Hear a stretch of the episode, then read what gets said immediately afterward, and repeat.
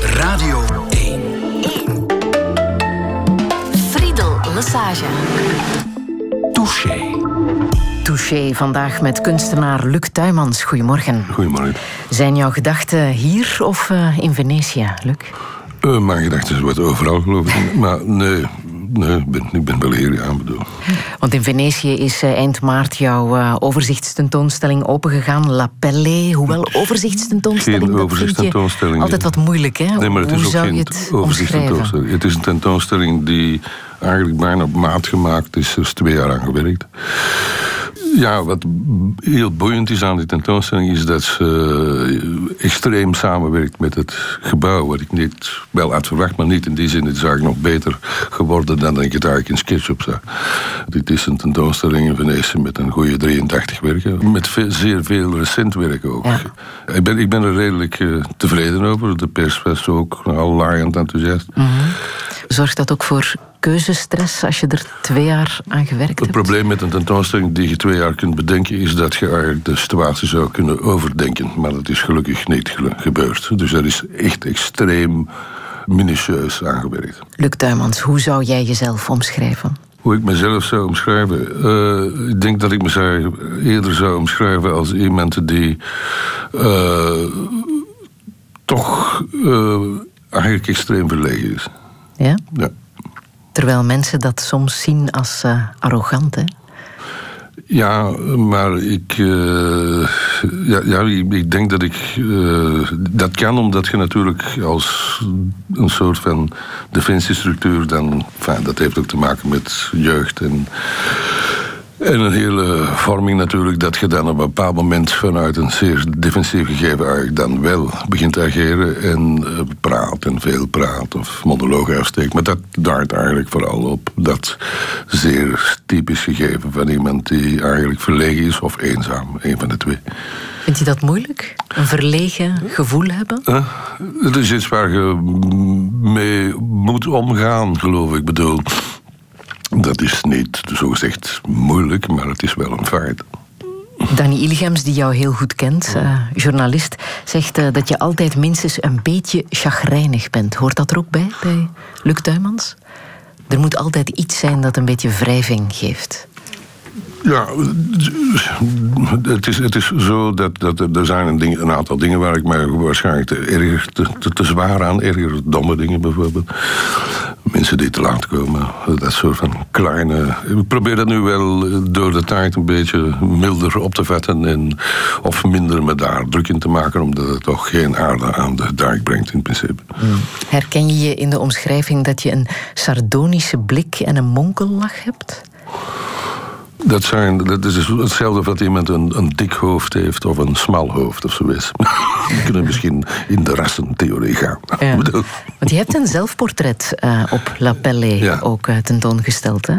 Ja. Waarom heb je dat gedaan? Dat Wel, omdat het een, een, een iPhone-foto is van mijn vrouw op een onbewaakt moment. Omdat het niet echt een flatterend portret is. Maar het is een portret van de state of things. Van hoe ik er toen, ik denk dat was waarschijnlijk 2013, of, ja, mm -hmm. uitzag. En dus niet, niet zo verschillend van zes jaar geleden. En het boeiende daaraan is dat het eigenlijk een beetje ondoordringbaar is, maar tegelijkertijd ook, zoals ik al zei, geen geromantiseerd portret. Het is eigenlijk een soort van matter-of-fact-like afbeelding van het zelf. Ja, en als jij dan zelf in je eigen ogen kijkt, wat, wat zie jij dan in dat werk? Het, het feit dat je natuurlijk ook verouderd bent, bijvoorbeeld. Daar is dat op een of andere manier duidelijk afgebeeld. Er is, wat er ook afgebeeld is, is een soort van uh, extreem desillusionisme. Ik bedoel, dat zie je misschien ook in dat portret. Daarmee is het ook gedeeltelijk ondoordringbaar. En dat is dan, en was ook de periode dat ik me zo voelde. En waarschijnlijk nu nog erger. Ja. Veel zelfportretten heb je niet geschilderd, hè?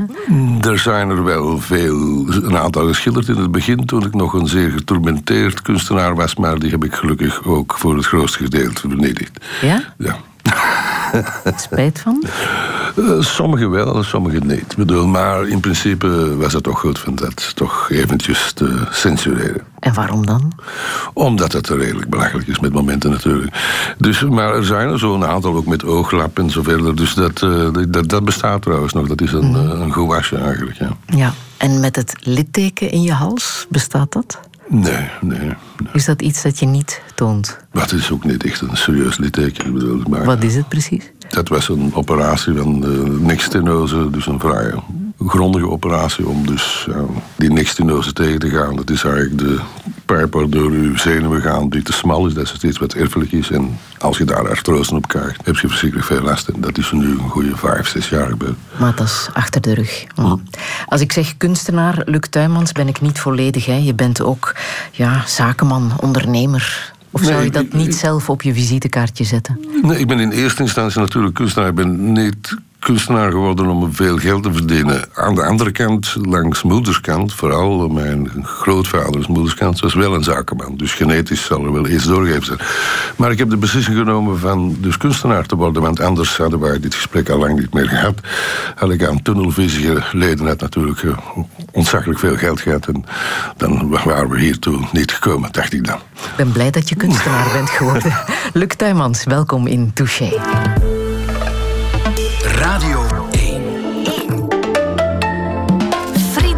Friedel Lassage.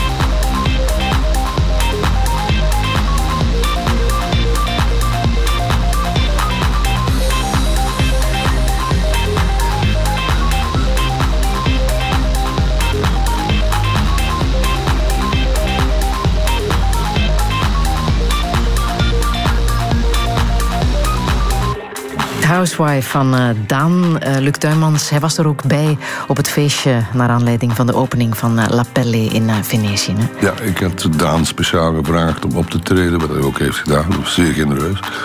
En dat was eigenlijk ja, was formidabel. Ja, daar was zeer veel volk. Jouw familie was daar, collectioneurs, eh, collega-kunstenaars. Ehm, wat was het voor jou, dat, dat feest, die, die opening? eh? Wel, het was in ieder geval een, een atmosfeer die niet bol stond van haat en nijd en jaloezie, maar die eerder eigenlijk redelijk positief was. dat is belangrijk voor jou, geen haat en nijd. Nee, dat toont ook aan dat men constructiever kan omgaan met de werkelijkheid bijvoorbeeld. Dat kan, ja. zelfs in de kunstwereld. Ja. Ja, natuurlijk wel langer en moeilijker, maar wel. De tentoonstelling La Pelle in Palazzo Grassi is eh, te zien tot begin volgend jaar. Voor jou zelf is het echt een, eh, een moment de gloire. hè? Eh, Het is vooral de revenge of the nerds natuurlijk. Het is ook een element van wraak dat zich daarin afspeelt. Het is een tentoonstelling die gemaakt is onder de auspicie- van François Pinault, die een Breton is. En die één ding met mij deelt, en dat is het probleem Parijs. Dat heeft het destijds gehad, daarmee dat het trouwens ook de Ponte del Dogano en Palazzo Grassi begonnen is nu. Wat is jullie probleem met eh Ja, Parijs? dat de man een Breton is. En en niet zoals Arnaud uit de goede familie komt, bijvoorbeeld. Die is eerder ook een self-made man. En daar hebben Pinot en mijzelf elkaar destijds 25 jaar gevonden. Maar een belangrijke man, hè. hij is de eigenaar van uh, Palazzo Grassi. Uh, hij behoort tot uh, de 30 rijkste mensen ter wereld en heeft een 25-tal werken ja. Van jou. -hmm. Die zit met die gepassioneerd verzameld Enfin, zit natuurlijk zijn assistenten uit om uh, veldwerk te doen, maar hij zal nooit een werk kopen dat hij bijvoorbeeld alleen maar afbeelding of iPhone of dode stuurs krijgt. Hij moet elk werk fysiek kunnen tegenkomen. Dus hij komt naar jouw atelier kijken voor hij koopt. Ja, dus het is, is op dat vlak nog iemand van de oude stempel die zich niet laat beïnvloeden door influencers en wat we natuurlijk en consultants, wat nu natuurlijk massaal gebeurt uh, in de geglobaliseerde kunstwereld. Ja. En hij heeft jou zelf voorgesteld om in uh, ja. Palazzo Grassi uh, de Dat was op zijn vraag, ja. en dat was ook persoonlijk. Ja. Mm -hmm. Wat dacht je? Natuurlijk. Ja, absoluut, zeker. Het is ook, uh, Ten slotte is die tentoonstelling in die zin belangrijk dat het niet belangrijk is voor de mensen die dat hebben gekocht, of de experts, of de verzamelaars. Het is vooral belangrijk voor de mensen die dat niet kunnen kopen en die geen experts zijn. En die eigenlijk puur uit toerisme naar een stad komen die zeer toeristisch is en natuurlijk een hoog postkaartgehalte heeft. En vanuit een of andere voyeurisme, omdat ze natuurlijk niet, zoals ik trouwens ook niet, in zo'n palazzo geboren zijn, dat wel eens van binnen zouden willen zien en daar aan top of it ook een tentoonstelling kunnen zien. En dat is een vrij groot publiek, dat is niet te onderschatten. En in die zin is natuurlijk ook boeiend dat die tentoonstelling zo lang loopt, waardoor wat niet evident is om ze weer op te bouwen, want je moet natuurlijk met braaklenen van meer dan acht maanden en met, we zitten toch met braaklenen van over heel de wereld en dat is redelijk meegevallen in principe allemaal nog. We hebben er misschien twee niet kunnen hebben, omdat ze in die Duitse Partijsbestek tentoongesteld worden in het MoMA. Dus, maar voor de rest is het eigenlijk nog vrij vlekkeloos verlopen. Dus dat is, is dat niet direct uh, onmiddellijk zal terugkomen. Dus in die zin is het natuurlijk wel een belangrijk punt. De titel La Pelle, de huid, heb je ontleend aan het gelijknamige boek van de Italiaanse schrijver Curcio Malaparte. Ja. Dat heb je gelezen? Ja, ik heb uh, quasi buiten nu het allerlaatste dat verscheen, dat zijn geheime geschriften, die heb ik wel gekocht, maar die heb ik nog niet gelezen. Heb ik denk ik alles gelezen van Malaparte. En wat herkende je dan in La Pelle dat uh, met jouw werk te maken heeft? Wel, in, het boeiende aan Malaparte is natuurlijk dat Malaparte een zeer onaangenaam figuur is, ook in het literatuurlandschap. Uh, ik denk dat Aldo Moravia hem nooit een schrijver genoemd heeft. Het is ook in Italië, dus ik wou ook een Italiaanse titel. En ik wou ook een tentoonstelling maken die eigenlijk over net niet rechtstreeks alleen over Malaparte ging, maar ook over het idee van de hart, maar dan het idee van het onderhuidse element. Dus iets dat op uw geheugen gaat werken, zoals Venetië dat in principe ook doet. En dat doet Malaparte natuurlijk door zijn structuur in zijn boeken en de herhalingen die toegepast werden, regelmatig ook gebruikte dat als systeem. Dus dat is misschien een andere link die je kunt maken, maar het is niet dat de tentoonstelling over Malaparte gaat of zo Venetië noem je een postkaartstad. Ja, nee, Venetië is een stad die op het geheugen werkt. Het is een morbide stad voor mij. Ik bedoel, uh, omdat ik als 18-jarig met een interrailkaart natuurlijk de reis door Italië maakte. Siena, Giotto, enfin, dus, uh, Firenze, uh-huh. Rome. Maar natuurlijk ook Venetië. En dan een Italiaanse student van de academie student tegenkomen. En die zei, ja, als je nu in oktober terugkomt. Uh, ik ben eigenlijk, soi-disant, ook een soort van conciërge van zo'n palazzo op de Canale Grande van een Amerikaanse weduwe. Dus die is in oktober twee weken niet aanwezig. Dus dan kunt u terugkomen. Dat heb ik dan ook gedaan. -hmm. En dan wordt Venetië totaal anders. Het water begint te stinken, uh, de oude mensen vallen uit de kast. En dan krijg je zo een soort van zeer morbeed gegeven. Zo. En dat is mij toch altijd bijgebleven.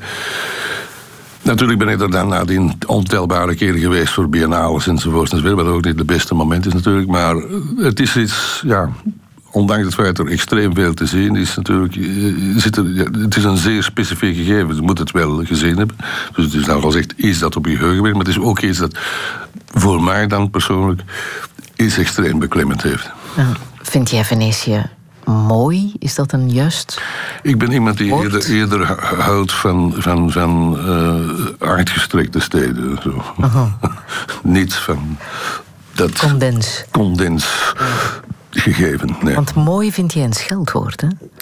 Nee, niet, niet, niet, het scheelt ook niet. Het is een beetje een aberratie in de stijl van dat ik nu denk dat de tentoonstelling in La, La Pelle zal door gewoon, mensen gewoon ook mooi gevonden worden. Dus dat is dan de extreme perversie, denk je dan. Dan hebben ze het niet begrepen. maar dat mag ook, bedoel. Dus, eh, dus dat, dat is dan het is aan de mensen om uh, zelf nee, te is, beslissen. Het is, belangrijk in die tentoonstelling dat we geen muurteksten hebben, dat we wel een reader hebben die ze kunnen meenemen, omdat dan uiteindelijk de bezoeker de kans heeft van dat ofwel ter plekke voor het werk te lezen, of dat voordien of nadien te doen, maar dat alleszins de ervaring van het kijken centraal staat. Dat mhm. was ook de betekenis van dit soort van tentoonstellingen. Ja. Is een uitleg noodzakelijk bij een werk? Het schoonste compliment dat ik ooit in mijn leven heb gekregen was... Uh, na de tentoonstelling in de Tate Modern zat ik in Antwerpen in een brasserie en kwam er een jongetje van zeven jaar een tekeningetje afleveren, want die was met zijn ouders naar de Tate Modern geweest en die was extreem onder de indruk. En dat is het schoonste compliment dat je kunt hebben, omdat natuurlijk een kind binnen dat soort van onschuld het op dat vlak dan wel echt meent.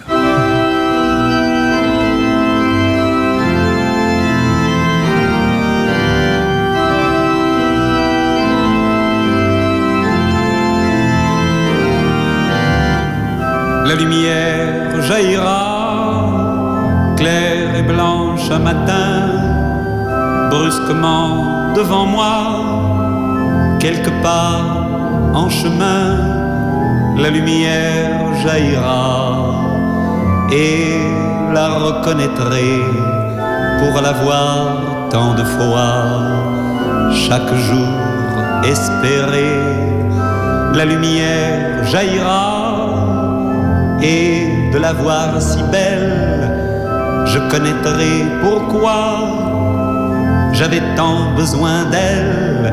La lumière jaillira et nous nous marierons pour n'être qu'un combat, n'être qu'une chanson.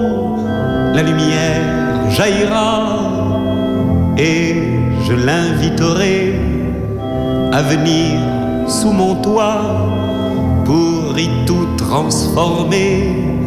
La lumière jaillira et déjà modifié, lui avouerai du doigt les meubles du passé. La lumière jaillira et j'aurai un palais. Tout ne change-t-il pas au soleil de juillet, la lumière jaillira et toute ma maison assise au feu de bois apprendra ses chansons. La lumière jaillira, parsemant mes silences de sourires de joie La lumière jaillira, qu'éternel voyageur, mon cœur en vain chercha et qui était dans mon cœur. La lumière jaillira, reculant l'horizon. La lumière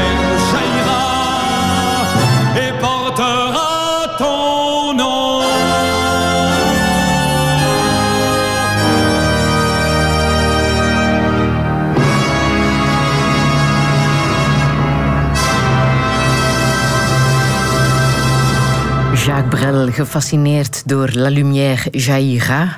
Luc Tuymans, ik laat het horen omdat volgens mij een kunstenaar niet zonder het licht kan, natuurlijk. Absoluut niet. En ik weet nog goed, toen dat ik mijn tentoonstelling, de eerste retrospectieve in de Palais Beaux-Arts deed, dat de twee curators, dat waren twee vrouwelijke curators, dat was Marilyn Greenstein en Helen Mulsford eigenlijk erstaunt waren van nu, want ik had het ook bovenlicht in de fantastische ruimte van natuurlijk Horta in het Palais Beaux-Arts voor de eerste keer het werk in het licht zagen waar het in gemaakt was.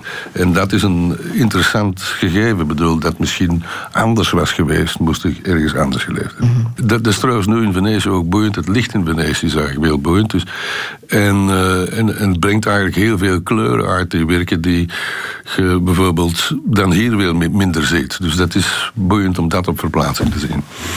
Wat voor iemand was de kleine jonge Luc Tuymans? Wel, ik heb het al gezegd, eh, redelijk verlegen natuurlijk, teruggetrokken. Randaf autistisch, denk ik bijna dan. Uh, dat is gelukkig volledig veranderd als ik ineens een scheut kreeg en groeide. En om 14, 15 jaar in puberteit. Voor de rest iemand die... Ook, ook, ook een, een, een, een, mooi jongetje, blond, blauwe ogen. Dus zo. en ja, extreem gepest geweest op school. Dus door al die elementen natuurlijk. Dingen die ik en welke dan? Waarom, waarom werd Ja, waarom? Omdat je dus een beetje mager... Uh, en dan dat uiterlijk, dat misschien nog een gespeeld. Wat ook heeft geleid tot verschillende misverstanden. Omdat de, ik ben ook van de kleuterschool gesmeten, wegens aan, aangepastheid. Ik heb dan het geluk gehad dat er een lerares naast ons woonde. die maar in die tijd van de kleuterschool.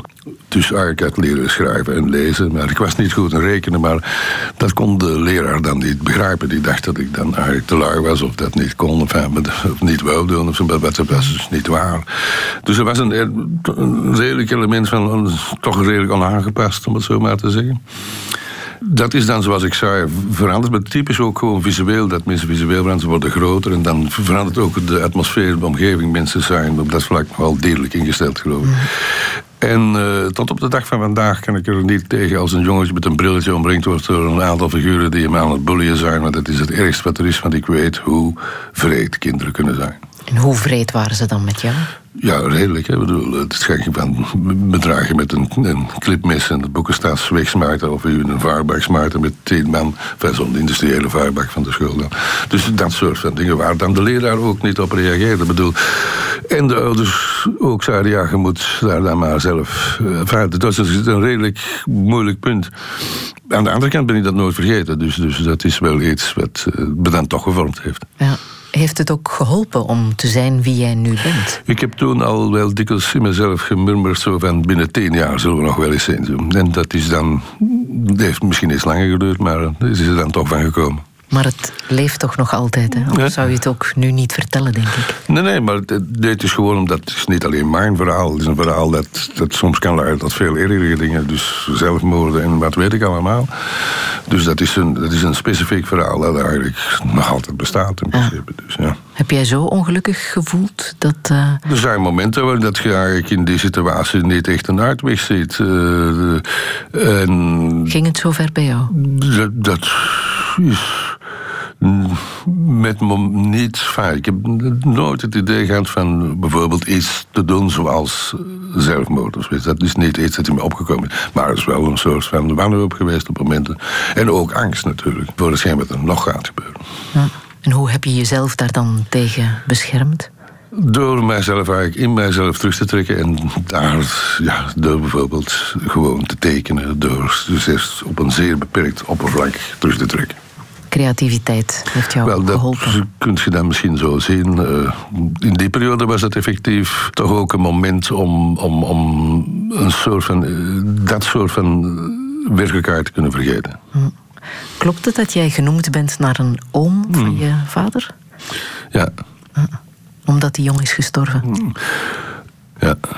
En wat weet je over die? Uh, ja, niet veel, want ik heb de mensen nooit ontmoet natuurlijk. Buiten het feit dat er uh, ja, tijdens een familiefeest. Uh, toen was ik een jaar of zes. En dat is wel een moment dat ik niet vergeet. Omdat het, de ene kant was Nederlands, de andere kant was dus ja, Vlaams. En is er dus uit een fotoalbum zo een foto gevallen van die oom, die desbetreffende oom op 14, 15-jarige leeftijd, als hij de Hitler grote dood. En dat was een beetje een bom, omdat de twee kanten in verschillende kamp zaten. En dus in die zin is dat, is dat dan wel bijgebleven is. Daar is niet zo heel veel over gesproken, maar mondjesmaat dus wel op termijn natuurlijk. En dan zit je ook ja, de geschiedenis aan de twee kanten van mijn ouders... die adolescent waren en die een volledige jeugd afgeschoten was... door natuurlijk net dat ene ding en dat was de Tweede Wereldoorlog. Ja. Maar een vreemde uh, contradictie natuurlijk. Hè? Dat jouw vader uit een uh, collaboratiefamilie kwam en jouw moeder uit een verzetsfamilie. Ja, maar dat denk ik. Dat, dat, een beetje ook een Nederland-België verhaal. Op een heel raar manier. Maar ik denk dat dat wel, wel meer het geval geweest is uh, in, in België. Dus ik denk niet dat dat zo uitzonderlijk is. Wat belangrijk is, is natuurlijk om in te zien dat heel, het verhaal van de collaboratie ook een zeer complex verhaal is. Een, een verhaal van armoede dikwijls ook. En een verhaal van distortie. En dat natuurlijk, enfin, mijn oom is nu, de, dus de broer van mijn vader is nu een aantal weken, denk ik, net voor Venetië gestorven. Bijna 90 jaar leeftijd. En dan die ook heel het verhaal van de oorlog is komen uitleggen aan mijn, mij en mijn zuster, wat ik toch wel zeer naar waarde schatte. En redelijk kwaad geworden is, of was, op zijn moeder, die hen allen uh, in 43 goed weten dat de oorlog al gedaan was, eigenlijk naar Duitsland heeft verzest. En dat heeft de man haar nooit vergeven.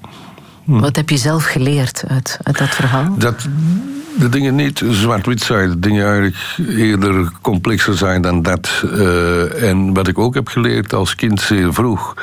ondanks het feit dat het huwelijk, zoals ik al zei... alle twee capaciteiten, zowel moeder als vader. En, maar tezamen was het een beetje een ramp. Maar dat is ook een ramp omwille van die voorgeschiedenis. Dit trouwens, veel van die generaties hebben dat soort van... ofwel eh, zijn ze extreem geslaagd. Maar psychologie was niet het element daarin bedoeld. Dus dat was... Uh, deur die dicht werd gedaan. Maar dat heeft natuurlijk gemaakt dat daar. Uh, ja, dat, dat, dat ik vooral een soort van boede op de buitenwereld heb geprojecteerd en niet op die mensen bijvoorbeeld. Ja. Welke band had je met je vader? Met mijn vader had ik een moeilijke band. Met mijn vader een van de meest introverte mensen was die ik ooit heb gekend. In principe. Dus ik heb nooit echt geweten wat de man voelde. Laat staan wat hij dacht heeft ook even in de gevangenis gezeten. Ja, maar dat is dan een, een, een. Ja, dat was de jaren 60. Dat waren, was een fraude die gepleegd is geweest met bunkeringmaatschappij. Ik was toen een jaar of zes en mijn moeder was op dat vlak natuurlijk ook gezien... de achtergrond van haar grootvader, zakelijk gezien sterker. En wij dachten alle twee van, dit gaat hier niet goed aflopen. En dat is dan ook zo gebeurd. Maar ja, bon... Maar heb jij daaronder geleden als kind? In principe ja, vanaf die moment heb ik dan in het nachtleven moeten werken. Dan was ik 13 jaar, dus dat is het moment waarop mensen in, in, in puberteit zitten. En dan eigenlijk, ja, eh, ziet je uh, elke week in de wereld van de achterkant. Dus bedoel, dan begint je natuurlijk wel anders te verhouden. Ja. En jouw band met uh, jouw moeder? Hoe was met mijn moeder was een. Was een uh, ik had met alle twee ergens een band. Hè. Mijn vader was bijvoorbeeld iemand die zijn hele intelligentie in zijn handen had. Die was eigenlijk getraind om eigenlijk valse kunstgebieden te maken als tandmechanicien. En dat had hij ook beter effectief gedaan buiten dan in de, de, de haven te gaan werken. Of in de bunkeringbedrijven enzovoort.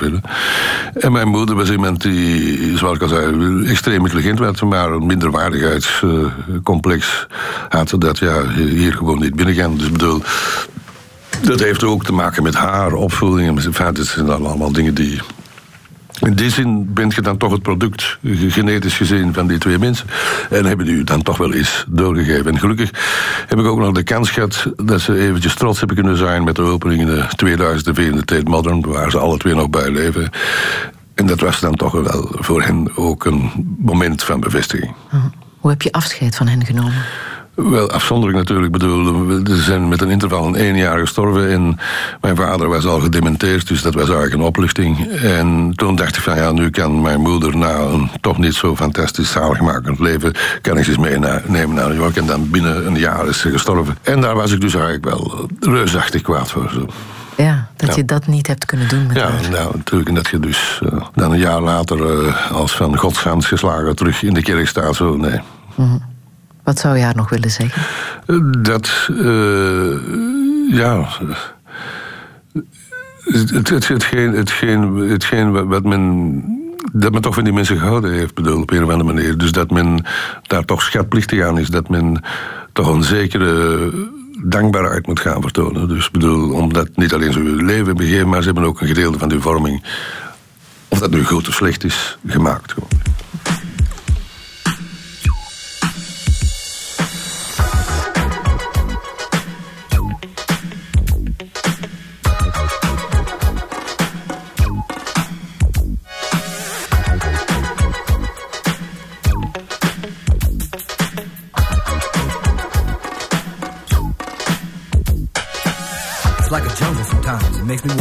Keep from going under. It's like a jungle sometimes. It makes me wonder how I keep from going under.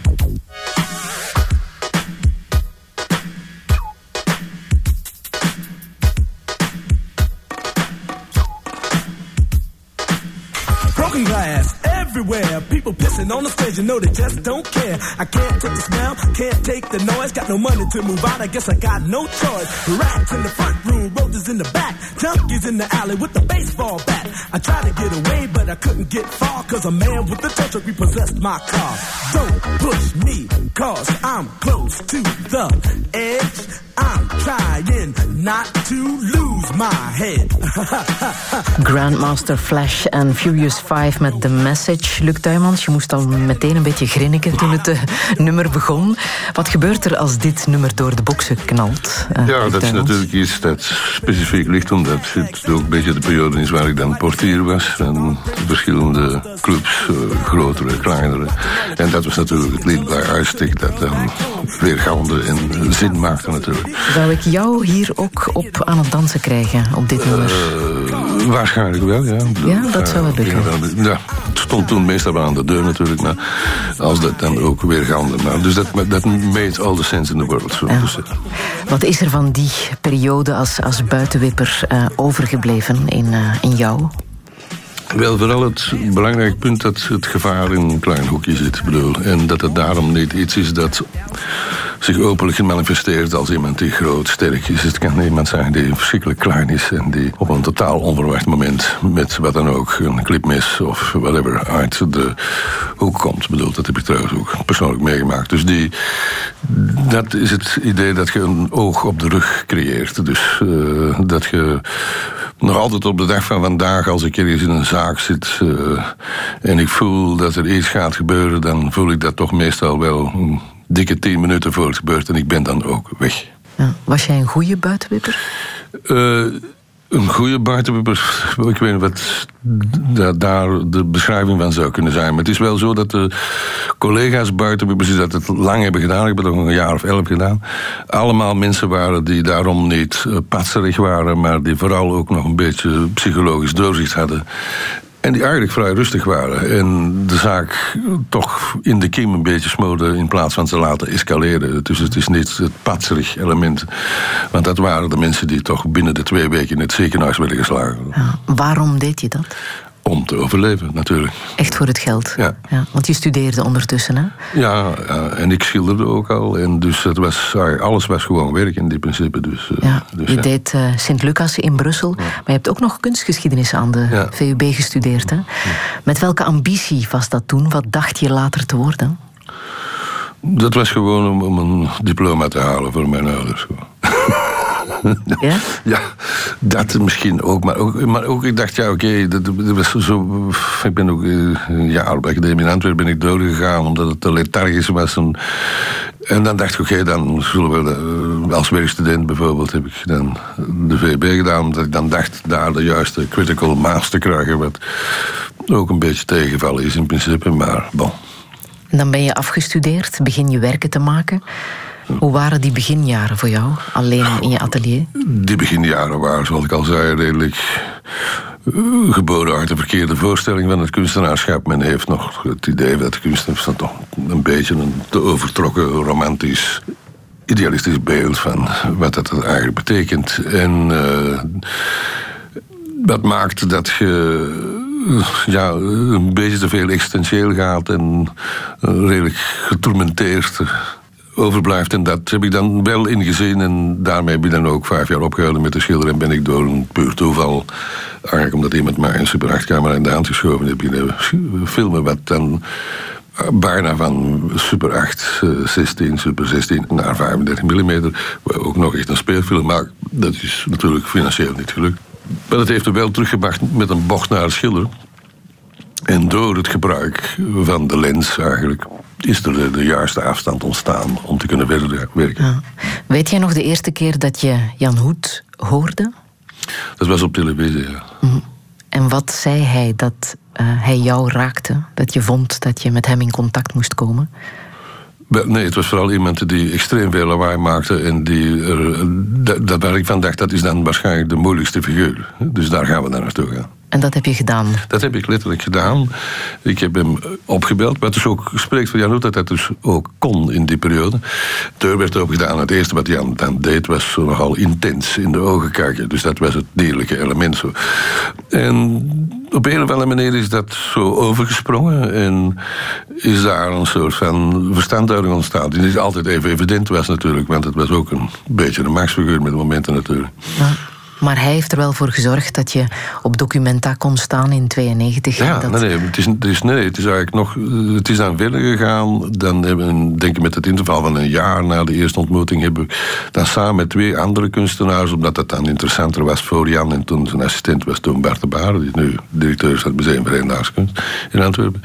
Dat de vereniging dan interessanter was om dan drie mensen te zien in plaats van twee. En daar is Jan dan gekomen en uh, ja, er waren redelijk wat werken op mijn uh, klein ateliertje. En er was op een gegeven moment precies een, net of er een bom gevallen was. En daar heeft hij zijn allereerste werkje gekocht. Dat was nog voor ik...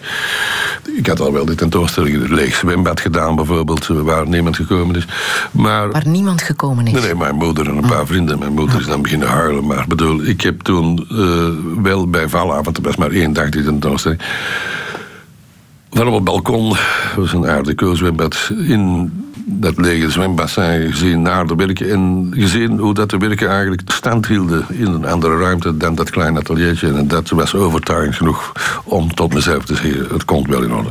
Maar, dus dat was er nog voor, dus Jan komt iets later nog in de picture. Ja. En, maar iemand van die, dat kaliber die dan een werk van u koopt, is dan een redelijk hard onder de riem natuurlijk. Stel dat Jan Hoed er nooit was geweest. Wat was er dan van Luc Tuymans geworden? Het is stel dat men geen geluk heeft, wat was er dan van iemand geworden? Ik denk dat het eerder zo gesteld moet worden. Er zijn momenten waarop mensen geluk hebben. Natuurlijk, als je geluk hebt, moet je daar ook dan op dat moment naar handelen. Er zijn ook mensen die ook geluk hebben, maar er niet naar handelen. En daarmee het momentum voorbij schieten. Begrijp jij het succes van jouw eigen werk? Überhaupt niet. Eigenlijk. Nee? Nee, nee ik heb eigenlijk. Nee, ik bedoel. Toen ik de eerste tentoonstelling had, dacht ik toch dat het toch wel 30 jaar zou duren voordat men het nog maar aan de muur zou zien hangen. Omdat het toch niet zo exponentieel is. Dus dat, dat verbijstert tot de dag van vandaag. Het enige wat ik zou kunnen denken is dat het werk op een bepaald moment zo intentioneel was. En hopelijk nog tot een bepaalde hoogte is. Bedoel, dat de mensen daar een zekere aantrekkingskracht hebben. Dat ze net dat eigenlijk voelen. En een soort van ongemakkelijkheid die dan ook ontstaat omdat je dat voelt. Dat is een fysiek punt binnen het kijken eigenlijk. En dat had natuurlijk ook te maken in het begin met die kleinere formaten en het idee dat het eigenlijk nogal redelijk uitgezuiverd was toch een zekere minimalisme had. En in de periode dat je de nieuwe wilde had en al dat soort van uh, gedruis eigenlijk, viel dat eigenlijk er volledig uit. Dus het is misschien net daardoor, door het feit dat het in zo'n schille discrepantie stond en op het perfect verkeerde moment kwam, dat het net daardoor ook opgemerkt geweest is. Je werkt zeer gedisciplineerd, hè? Hoe ver gaat dat? Ja, ik ben een beetje een controlfreak in, in, als het daarover uitgaat. Ik bedoel, uh, in termen van zelfs het opbouwen van tentoonstellingen, publicaties, alles. Omdat dat dingen zijn die, hoe ouder je wordt, ook belangrijk worden. Je moet nu aan je legacy gaan werken, natuurlijk. We zijn nu, enfin, ik ben nu 60 jaar, dus bedoel, het is, nu gaat het dan toch bergaf gaan. En maar als je begint aan een, aan een werk, echt als, als schilder, uh, hoe, hoe werk jij? Wanneer begint het idee en wanneer dat, begint het kunstwerk? Dat, dat, is, dat hangt ervan af. Ik bedoel, er zijn dingen die jaren in het hoofd spelen voordat ze nog maar gemaakt worden. Er zijn dingen die onmiddellijk worden ingezet. Maar ze moeten wel relevant zijn. Uh -huh. En daar wordt over nagedacht en dat wordt eigenlijk bijna doodgeanalyseerd. En dan wordt het eigenlijk fysiek herboden, om het zo maar te zeggen. Dat is door de daad van de schilder. Ja. En die is extreem nerveus. Die is uh, nog altijd is er de angst dat men het niet meer kan. Dus, ja? Ja, nou, continu. Dus dat is nooit veranderd. Ja. Gelukkig maar. Stel je voor dat ik dat niet had, dan zou ik zo, als iemand die een bandwerker is, zo procesmatig gaan werken. Dan denk ik dat, er, dat het, ja, één, het mij ook niet meer zou echt interesseren. Of zeker niet meer de voldoende de kick zou ge- geven om het nog maar te doen. Dus daarmee is het ook belangrijk dat ik zelf eigenlijk schilder. Dat ik geen mensen in dienst heb die schilderen. Of eh, maar bijvoorbeeld mensen zoals Jeff Koons hebben een heel atelier waar het werk geproduceerd wordt. In, in mijn geval is het nog echt een, een redelijk fysiek element dat ik dat zelf moet doen. Moet ik de- dat soort van dingen zijn voor mij toch zeer belangrijk. Je werkt met bestaande beelden. Hè? Hmm. Wat vond jij zelf van de hele heisa die er is geweest rond eh, de foto A Belgian Politician? De foto van eh, Jean-Marie de Dekker, genomen door Katrijn van Giel. En waar jij mee aan de slag bent eh, gegaan, eh, Ja. een viertal jaar geleden. Ja, dat is iets natuurlijk dat. Eh, de, de- de pers dat dat gegenereerd heeft, is extreem natuurlijk. En het misverstand ook, omdat er buitenlands erop gereageerd is van. wa- waar zijn de mensen over bezig? Het was een redelijk Vlaams verhaal, geloof ik. Ik bedoel, Want de Franstalige kant koos dan eigenlijk voor mij. Dat werd dan ook nog een beetje politiek. Het is ook een verhaal van één krant, ga ze niet noemen. Maar dus de, de- die dan hun eigen nieuws zijn gaan maken. Dat gebeurt meer. Zo. En dan hopen op een sneeuwbaleffect. Hè. Dus met een zondagsschilder hadden ze dat natuurlijk niet gedaan. En dus in die zin is zowel de fotograaf als ik daarin misbruikt in principe. Dan gelukkig ook een minder geschikt kunnen doen die voor iedereen goed was. En dan bleek dus ook dat dat effectief op die manier abusief gespeeld geweest is. Dus ja, daar heeft eigenlijk, hebben ze hebben in het buitenland echt geen goede beurt gemaakt. Dat is alleen maar goed geweest, voor, eh, ook voor de schilderij in principe. Eh, dat er alleen bekender door geworden is. En ook voor de fotografen die er ook alleen maar bekender door geworden is. Dus, eh, en voor de rest is dat eigenlijk ja, een, een, een zeer lokaal gegeven geweest. Dat een enorme weerslag geeft gaat mondiaal. Dat er een soort van karaktermoord wordt gepleegd. En nu, daar zaten ze dus al een paar jaar op te wachten. Dus dat hebben ze dan met deze kunnen doen. En dat is dan eigenlijk een kleine Pyrrhus-overwinning geworden. Dus uh, zo wat.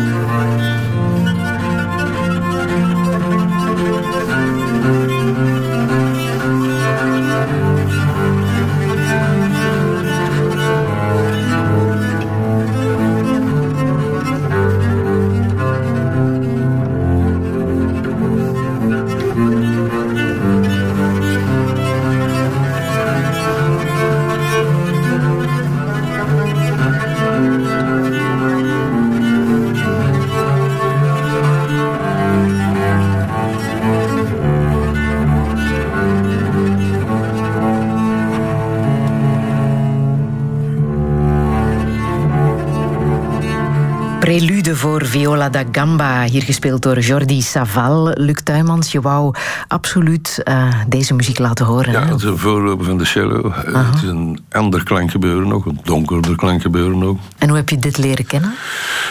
Door een vriend bijvoorbeeld, die heel toevallig bij hem thuis die dat opzette, bedoel. En ik was redelijk gefascineerd door Ja. die muziek. Want je werkt in stilte, hè? Ja, ik werk nooit met muziek, nee. nee. Terwijl dit misschien wel zou kunnen. Maar niet bij jou.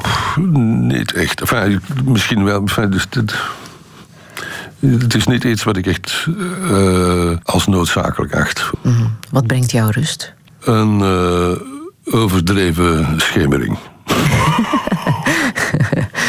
Vanuit jouw penthouse gezien in Antwerpen. Ja, of ergens anders. Ik bedoel, het, is, eh, het is- ik herinner me nog zo, als ik in een tentoonstelling zat in 93 in, tegen Oslo en de, met de midzomernacht. En ik was ook de enige niet-Scandinavische kunstenaar, geloof ik.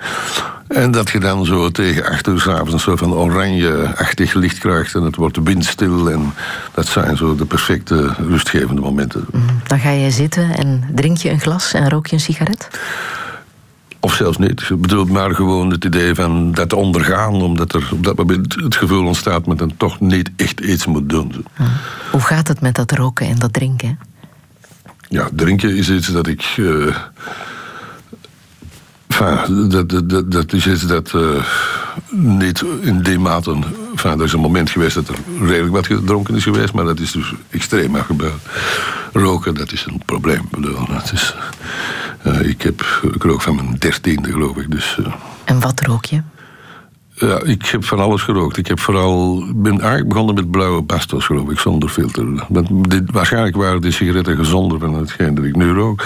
Want ik rook nu natuurlijk al decennia Marlboro. En daar wordt natuurlijk iets in gedaan dat men steeds terugkeert naar het merk. Dus, en, maar dat is bijna ook chewing gum. Dat is iets, eh, eh, ja, nog iets anders dan tabak, denk ik. Maar dus dat is inderdaad een verslaving, ja. Wat gebeurt er als jij rookt? Waarom heb je het nodig? Omdat ik extreem nerveus ben. Dus... eh, Om je te kalmeren. Het is gewoon, ja, dat is de, de zwakte van iedereen die, die, die een, verslaving heeft natuurlijk. Die verslaving is daar omwille van een bepaalde redenen. En dikwijls is verslaving eh, van, natuurlijk fysisch, maar in de hoge mate psychologisch. En dat heeft te maken met eh, andere dingen. Dat, met, name dat idee van die nervositeit, dus het onrustig zijn, waardoor de handeling dan iets opvangt. eh, en dan, mijn moeder had dat ook, bedoel, mijn moeder heeft, eh, smokte drie, vier, rookte drie, een half pakje sigaretten per dag of zoiets. Dus voordat ik nog maar geboren ben, was ik al geïnvesteerd van de nicotine, denk ik. Maar het drinken heb je kunnen afbouwen. Ja, dat is iets dat nu eigenlijk gebeurt op een normalere manier dan dat is. Enfin, dat is ook niet altijd zo geweest. Er zijn, er zijn momenten geweest dat er eh, stress ontstaat en dat je veel moet afleveren. En dat je dus eigenlijk als om te unwinden eigenlijk dan ineens in een ander soort van excess terechtkomt. En dat heb ik ingezien en toch wel duidelijk afgebouwd. Ja. Mhm. Wat is er nog van overgebleven? Niets? Of Nee, nee, nee, ik drink gewoon, maar ik drink gewoon met maden, zoals je dat zegt. Hm, de Jack Daniels? Ja. Ja. Geeft de plek waar je nu woont rust? Want dat is een gebouw van architect Glenn 60. hè? Ja. Dat is een en al strak en schoonheid. Ja, dat is rustig. Het is ten eerste een, een, een redelijke, we hebben redelijke wat plek natuurlijk ook. Het atelier van Karel en Stefan Schalen is daaronder. We hebben ook een ruimte waar no pressure, waar we tentoonstellingen doen. Enfin, die, die niet als tentoonstellingsruimte, maar kunstenaars of lezingen of wat iedereen de kans geven om daar met een duidelijk voorstel iets te kunnen doen. Omdat er een vrijplaats is groot achtertuin. Enfin, dus het is veel balkons, veel licht. Zitten er nu denk ik een goede bijna twee jaar nog altijd even winnen. Want ik heb zo het gevoel dat ik een beetje aan de kust woon. Omdat het toch redelijk rustig is op het eilandje. Zo. Met momenten voor mij zelfs te rustig. Omdat we vroeger in de stad leefden natuurlijk. Maar bon, dat heeft wel gemaakt dat je ja, op een andere manier omgaat met, met, met, met die omgeving. Dus Ah. Schaak jij nog? Op de computer. Ja? Niet meer eh, met de echte schaakstukken. Ja, soms als de kans zich voordoet, maar dat is ook al langer beperkt aan het worden natuurlijk. Er zijn veel minder cafés die nog schaakborden hebben en zo. En waarom deed je dat, dat, dat schaken? Omdat dat, eh, en dat nog vind ik altijd, Nog een altijd. fascinerend eh, spel. Een spel dat, over, dat daar redelijk over nagedacht is natuurlijk. Uh, verbeelding van de oorlog in principe ook. Uh, een spel dat ook historisch geëvolueerd is. Bijvoorbeeld uh, Dame was tot Jeanne d'Arc bijvoorbeeld niet zo belangrijk in de loop van de stukken. En is het pas nadien een overweldigend stuk geworden daarin. Je hebt romantische schaak, je hebt al dat soort elementen die dan eigenlijk toch ook met hun tijd zijn geëvolueerd. En en het blijft voor mij een prachtig spel. Bedoel, ondanks het natuurlijk ja, tegen de, de, de, de computer kan de mensen het natuurlijk niet meer winnen. Kasparov heeft dat dan ook verloren tegen Deep Blue. Maar aan de andere kant dus, is het wel een spel dat uitgevonden is door mensen. Ja, een van de meest schone ja, bordspelen die ik ken. Het mooiste museum, waar staat dat volgens jou?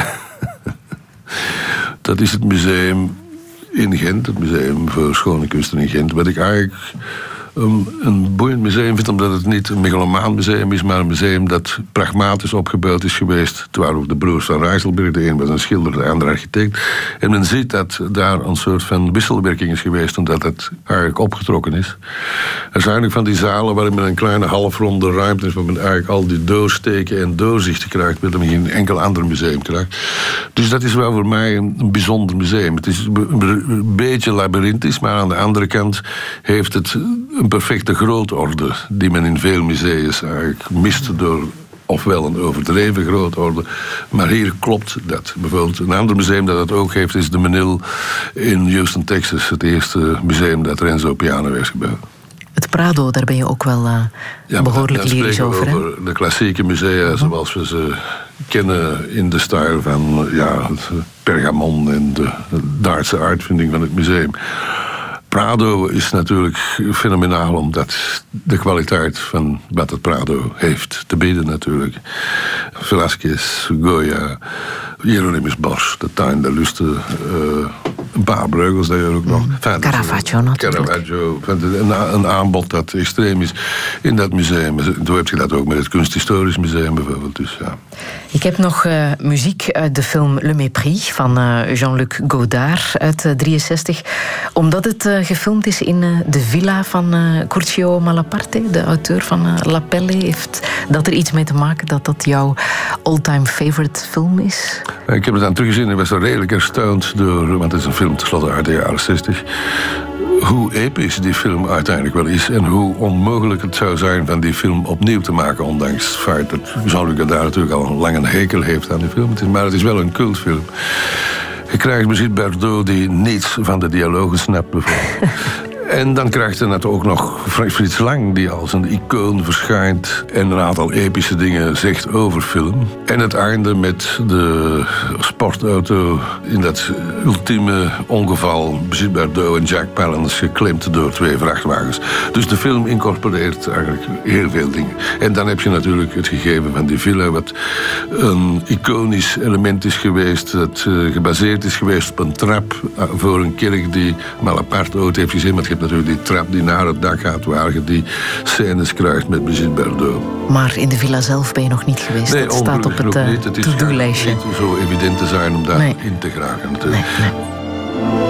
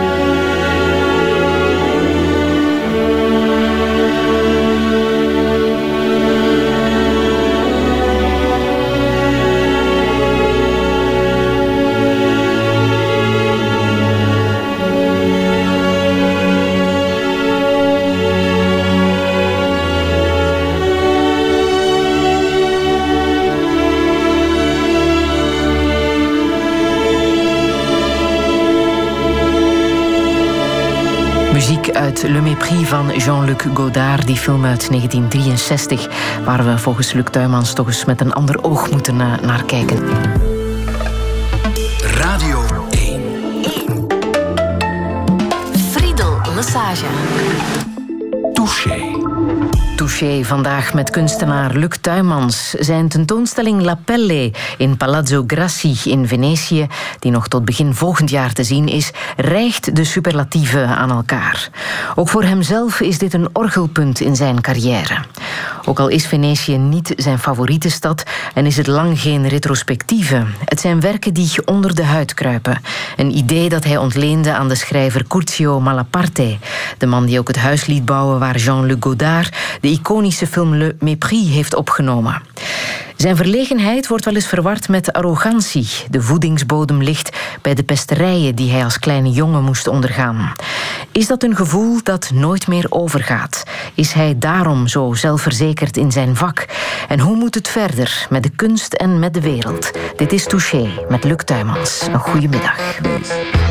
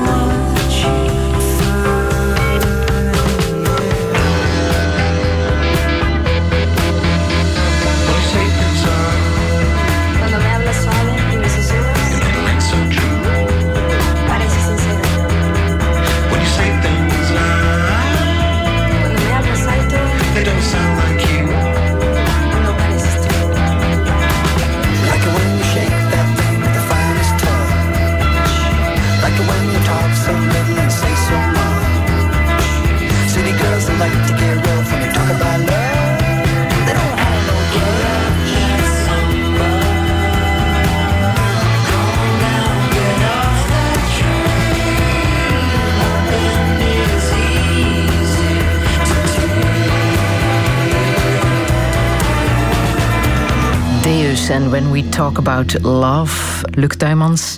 Ik draai het niet zomaar natuurlijk. Hè. Tom Barman is een, eh, een goede vriend van jou. Ja, ja, Hm, Weet je nog hoe jullie elkaar hebben leren kennen? Wij, wij hebben elkaar in het nachtleven natuurlijk leren kennen. Eerder een beetje pardoes en zo. En ik ben er ook naar een optreden gaan zien. Na lang zagen natuurlijk. Want ik ga normaal zien een optreden. Het was in Vorsten. Het was toch bijna drie uur. Het was redelijk indrukwekkend. Ah, En jullie hebben natuurlijk ook een band via de 0110 De 0110 concerten. is een concept geweest dat eigenlijk Tom geïnitieerd heeft en dan mij had gevraagd. Dat was in een café in de Keizerlaar, ik weet het. nog. En Tom Lanois om daar eens over te brainstormen. En ik was er in, in eerste instantie nogal sceptisch over, omdat ik niet denk dat de kunst de wereld kan veranderen. Maar aan de andere kant eh, wist Tom mij wel te overtuigen van het moment als we dat openbreken naar eh, bijvoorbeeld charmezangers, bijvoorbeeld Wiltura heeft eraan meegedaan, dat men dikwijls vergeet. En we krijgen zo eh, fysieke aanwezigheid van 50.000 mensen op een concert, of, of al zijn het er tien, of, dan is dat een teken en een symbool. Het waren er veel meer, hè? En het, en, en het feit 100.000? dat heel de culturele wereld zich bijna nationaal heeft georganiseerd, wat dus uitzonderlijk is, noem maar eens een land op eh, waar dat, dat eigenlijk gebeurt. En eh, de schrijvers hebben dat gedaan, de acteurs hebben dat gedaan, van heel de culturele bestel heeft zich daarachter gezet. Naar aanleiding van de gemeenteraadsverkiezingen van Naar eh, aanleiding van 2010 de dat, gemeenteraadsverkiezingen en de angst dat het Vlaams, was het toen al Vlaams Belang, het cordon sanitair zou doorbreken. Ik heb ook nog dan het idee gehad om aan het eind, aan de staart van het ding iets te organiseren. was wel een tentoonstelling, Mute bijvoorbeeld ook. Eh, maar van dat brandalarm te organiseren, nationaal. Het was twee weken voor de verkiezingen uiteindelijk. En dat heeft de voorpagina gehaald in het nieuws. En dat is iets wat ook alleen maar eh, belangrijker en actueler wordt. eh, hoe het activisme van kunstenaressen en kunstenaars eigenlijk een rol kan gaan spelen binnen een politiek bestel. Dat hoe langer hoe meer populistisch aan het worden is. Als je nu iets zou organiseren, met welke boodschap zou dat dan zijn? Tien jaar later in de politiek van nu? De grote boodschap nu is een boodschap die zeer moeilijk te formuleren is. In de zin dat de wereld een beetje tribaal geworden is. Het zou een boodschap zijn tegen de extreme polarisering. De social media heeft daar een redelijk nefaste rol in gespeeld, die gewoon extreme consequenties heeft gehad. Dat zal vooral gaan, de boodschap, naar het meer gaan analyseren van dingen en het toch eh, eens langer stilstaan bij wat informatie betekent of verbeeldt in dit geval. Want we staan opnieuw voor verkiezingen. Hè? 26 mei zijn er de Europese, de federale en de regionale verkiezingen. Ben je in het land om eh, je stem Eh, uit te ja, brengen? Ja, ik ben ook voor de gemeenteraadsverkiezingen speciaal in het weekend overgevlogen toen ik de Prada Foundation, in de Prada Foundation, barok tentoonstelling ben, ben ik, eh, aan het opbouwen was, ben ik met mevrouw overgevlogen vlak voor de opening. in de Prada. Wij zijn natuurlijk verplicht om te stemmen hier, maar ik vind dat ook een recht en ik vind ook dat je dat een plicht die je ook moet doen. En dus ja, ik zal die dag ook gaan kiezen natuurlijk. Ben jij nog steeds een trotse Antwerpenaar? Ja, absoluut. Ondanks alles natuurlijk. Nee, ik heb ook altijd het idee gehad dat iemand moet wel blijven natuurlijk. Maar je omarmt de stad natuurlijk ook wel, hè? Ik, eh, ja, nee, ik, Antwerpen is een, is een stadstaat geweest uit ons bloed is Amsterdam ontstaan. Ik bedoel, het is een oude stadstaat. En daarmee ook het chauvinisme natuurlijk. Niet dat het dat allemaal nog is, bedoel, is een redelijk, zoals ik al zei, bijna antiseptisch geworden. Maar desalniettemin is het, ik als geboren Antwerpenaar, is het toch nog altijd een megalomaan dorp waar iets, nog steeds dingen gebeuren die dan kenmerkend kunnen zijn op nationaal vlak. Dat is totaal belachelijk is in principe. Dus ja, dat chauvinisme, dat zit er waarschijnlijk in gebakken of zoiets. In hoeverre heb jij als kunstenaar de politiek nodig? In principe heeft de kunstpolitiek nooit nodig. Ik bedoel, we, we zullen ook alle politiekers, en de kunst doet dat sowieso, overleven. Dus daar gaat het niet over. Bedoel, Wat ik wil zeggen dat, dat kunst niet politiek kan zijn. Het kan een politiek eh, betekenis krijgen op een bepaald moment. Dat is iets anders. Maar ik denk niet dat men een, een kunstwerk vooraf politiek eh, moet gaan opladen. Want dan zitten we eigenlijk bezig met propaganda maken. Hoe goed ken jij je burgemeester? Persoonlijk hebben wij elkaar, denk ik, niet echt ontmoet. Ik bedoel, er is ooit in een Nepalees restaurant in Antwerpen... waar hij met zijn familie zat, ik mijn vrouw zaten... Ik denk dat is het dichtste dat we fysiek ooit op elkaar hebben gezeten. Wat natuurlijk ook volledig genegeerd geweest is. omdat dat mensen zijn die ook geen confrontatie gaan. En het was in de privésfeer. En het was in de privésfeer, ja. ja. Um, je noemt Paul-Henri Spaak als uh, een van jouw uh, inspiratiebronnen, mentors, voorbeelden. Uh. Dat is natuurlijk het oude België waar je nu ja, over spreekt. Maar ja. Paul-Henri Spaak was natuurlijk wel iemand die in de Belgische geschiedenis een specifieke plaats inneemt, omdat hij met zijn kabinet is verhuisd naar Londen, terwijl de koning gebleven is. Wat impliceerde dat de koning heeft moeten collaboreren om te kunnen blijven. Waar daar uiteindelijk de hele koningskwestie uit voortgekomen is. En waar onze buitenwijn eigenlijk naar voren geduwd is als 18-jarige. Maar Paul Henri Spraak was meer dan dat. Paul Henri Spraak was ook iemand van de grondleggers in termen van de gedachten van een Europese Unie. En, uh, en dat is dan natuurlijk dan door het Marshallplan gevraagd geweest op alle vlak.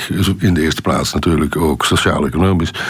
Maar Henri Spraak is wel een van de grote bedenkers van die structuur die eigenlijk toen eigenlijk niet alleen relevant was, maar extreem noodzakelijk. En aan, die natuurlijk veel, te veel te laat eigenlijk in de voegen getreden is. Dat is ook iets wat veel mensen vergeten. De vertraging die daarop gezeten heeft door de destijdse machtsverhouding.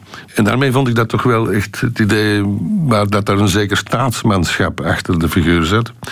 Wat we nu nog maar zelden nog kunnen onderkennen. Ik bedoel, als ik één figuur moet opnoemen, dan komen we tot Angela Merkel bijvoorbeeld. Een vrouw die een zeker ja, staatsvrouw, staatsmanschap heeft, die, die, die ook die geschiedenis heeft, die ook Russisch spreekt, die ook weet wat voor een gevaarlijk figuur Poetin is en dat soort van dingen. Hoe komt dat, dat dat soort figuren niet meer bestaan? Dat dat soort uh, echte politieke krokodillen uh, uitgestorven raakt? Ik, ik denk dat dat te maken heeft met opnieuw het idee van die social media opnieuw met de attention span en opnieuw het idee van kijk naar de nieuwsdienst van vroeger en nu bedoel. Uh, als je Zinzen zag daar, hadden de politiekers nog een probleem, want Zinzen zat zo, zo wel eens microfoons volledig kunnen afmaken op de televisie, want die waren ook voorbereid, daar werd ook tijd voor genomen. Die tijd is er door de niet meer, de aandacht is er ook niet. En dat is het grote probleem. De aandacht is geslonken. Dat is mondiaal, dat is niet alleen hier. En daarmee krijg je natuurlijk de opkomst van dat populisme dat eigenlijk gaat over het herhalen van woorden op dingen die op zo'n manier herhaald worden en doordringen dat ze eigenlijk een eigen werkelijkheid een eigen leven gaan leiden. Trump is daar een perfect voorbeeld van. En iedereen kan natuurlijk zeggen, ja, Trump is een kloon en Trump is dit. Maar nee, nee, Trump is eigenlijk een zeer gevaarlijk iemand. Iemand die uiteindelijk als smokescreen staat voor al de andere dingen die we dan niet zien. En dat is redelijk efficiënt in elkaar Ook, ook daar zit een zekere intelligentie, maar ze is wel veel perfider. En ze heeft niet iets te maken met wat goed is voor een land, een natie of voor mensen aan zich. Het is effectief winstbejag zonder scrupules. En dit is amoreel of immoreel, als we mogen noemen.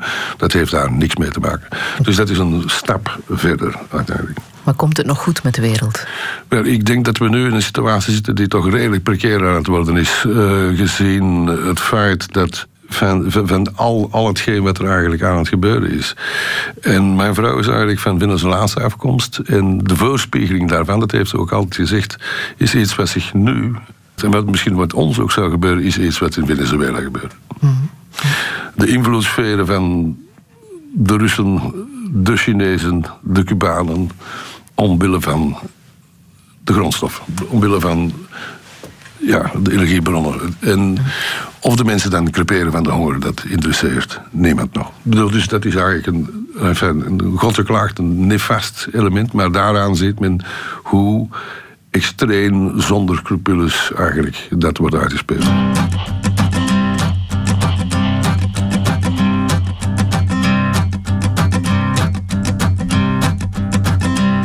There's a man going round taking names. and he decides who to free and who to blame. Everybody won't be treated all the same. There'll be a golden ladder reaching down when the man comes around.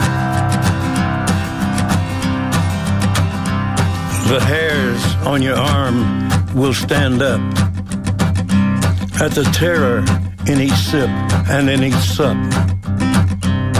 Will you partake of that last offered cup or disappear into the potter's ground when the man comes around? Hear the trumpets, hear the pipers, 100 million angels singing. Multitudes are marching to the big kettle drum. Voices calling, voices crying. Some are born and some are dying. It's Alpha and Omega's kingdom come. And the whirlwind is in the thorn tree. The virgins are all trimming their wicks. Whirlwind is in the thorn tree. It's hard for thee to kick against the pricks. Till Armageddon, no shalom, no shalom. Then the father hen will call his chickens home. The wise men will bow down before the throne. And at his feet they'll cast their golden crowns.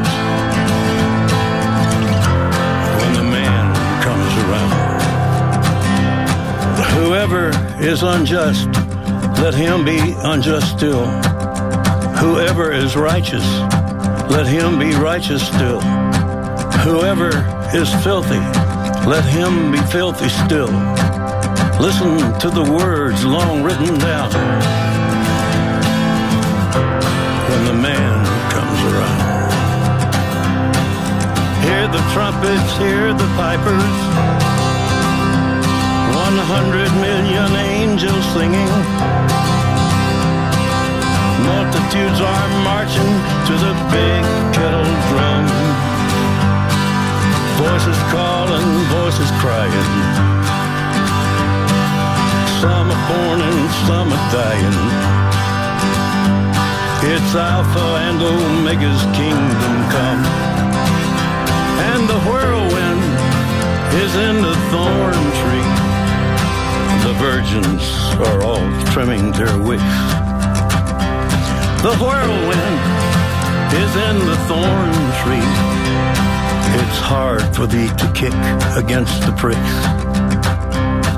In measured hundredweight and penny pound.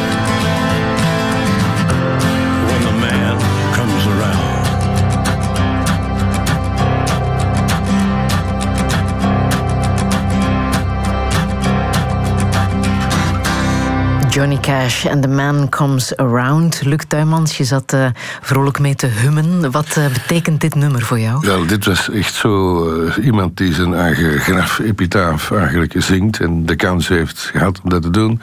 En extreem indrukwekkend. Ook mm. vol van emoties. Omdat bijna een heel leven gebald zit in zo When the Man Comes Around. Ah, is het ook die tekst die jou zo raakt? Ja, vooral, nee, ja, dat ook. Het, het, het, speelt ook door in waar Johnny Cash vandaan komt. Het Amerika waar Johnny Cash vandaan komt.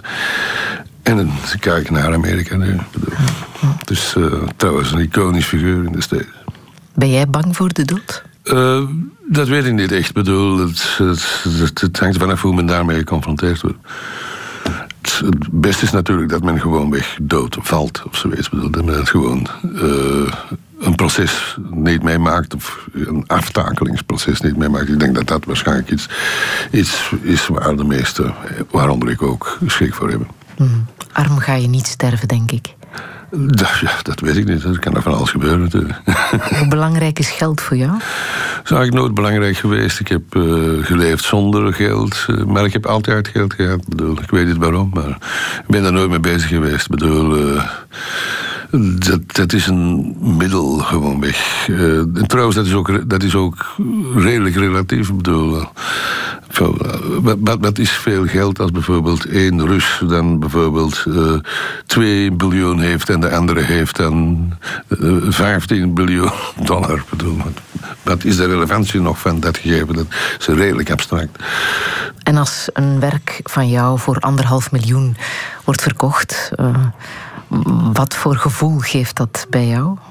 Dat is toen gebeurd eh, in 2006. En dat was een werkart die Monique Tocco reeks, geloof ik. Eh, en eh, ja, dat is het speculatieve element dat aan toeslaagt. Dat men probeert te vermijden, maar op een bepaald moment onvermijdelijk is in principe. En dan, ik zit dan eigenlijk nog redelijk goed als men kijkt naar de price range... waarin sommige van mijn tijdgenoten verkocht worden in principe.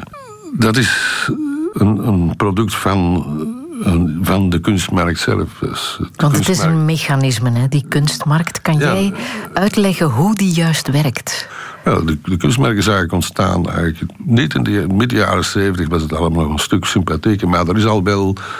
Toen eh, is daar al wel gespeculeerd en is er al wel kunstwerk doorverkocht, geveild enzovoort.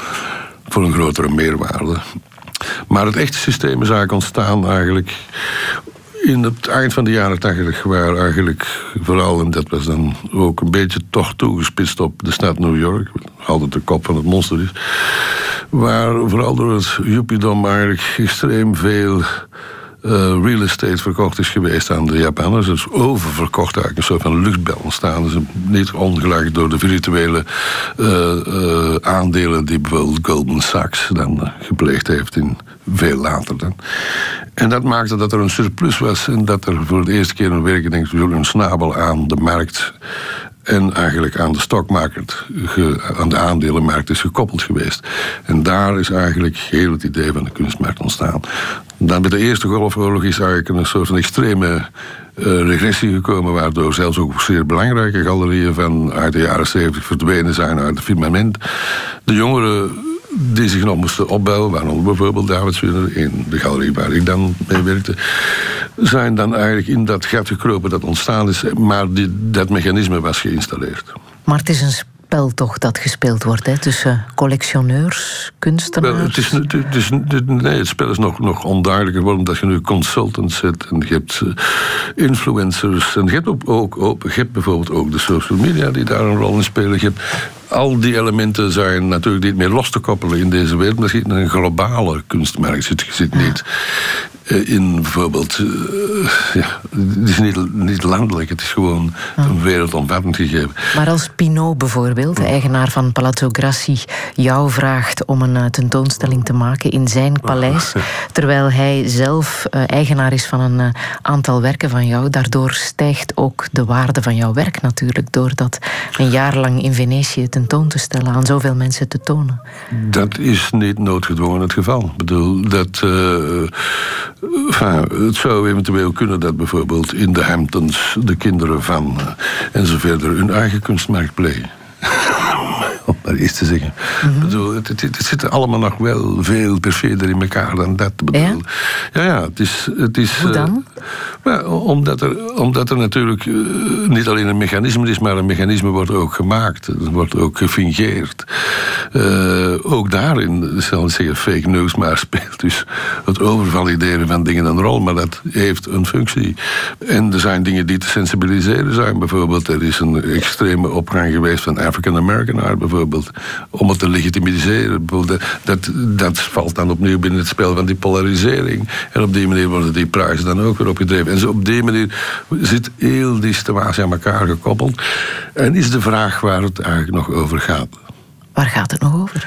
Wel, in dat verhaal dat ik nu net schets, gaat het eigenlijk in essentie over geld. Maar dat voor jou toch ook meespeelt dan? Ja, natuurlijk eh, eh, kan ik de hand die mij voelt niet bijten. Dat is één ding. Maar aan de andere kant is het niet en never mijn optiek geweest om kunst te maken voor het geld. Dus dat is een klein probleem. Dat is nu hoe men zich daar dus tegen verhoudt. Is, en wat voor verantwoordelijkheid men dan inneemt. En wat voor integriteit men ten opzichte van het werk bezigt. Wordt dus alleen maar unaniemer en belangrijker. Weerstand is een geweldig element. Maar als je zegt, ik heb nooit kunst gemaakt voor het geld, kan je dan ook zeggen, waarom je wel kunst maakt? Om het te tonen. Ik bedoel, ik denk, en dat, dat is bijvoorbeeld daarom dat die tentoonstelling in Venetië brengt, omdat ik al heb gezegd dat daar ook veel mensen zullen komen die het werk niet, of gewoon ook niet kunnen kopen.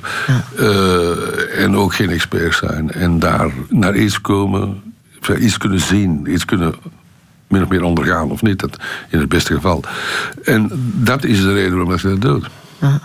Je bent ook uh, curator natuurlijk. Hè? Je hebt de prachtige tentoonstelling Sanguine gemaakt. Hoe goed verdient dat, het curatorschap? Ja, dat is iets waar ik geld aan toedraag natuurlijk. Plaatje van die tentoonstelling in het MUCA en de Prada Foundation voor mijzelf is iets van een slordige 200.000 euro. Maar dat wou je echt maken? Ik wou dat maken omdat ten eerste dat is ook een toeval weer geweest, want ik heb geen enkele tentoonstelling geïnitieerd. Dus hebben me dat eigenlijk altijd gevraagd. En dan, als ik daar dan op inga, dan probeer ik dat zo goed mogelijk te doen. Aan de andere kant vind ik dat ook opnieuw een ander soort van verantwoordelijkheid die je uitdraagt en waar je ook een aantal dingen mee kunt zeggen. En die ook een soort van andere critical mass maken dan de geïsoleerdheid die je zelf meemaakt binnen de kunstmarkt bijvoorbeeld. Dus dat geeft dan toch nog ergens op dat vlak een uitlaatclip.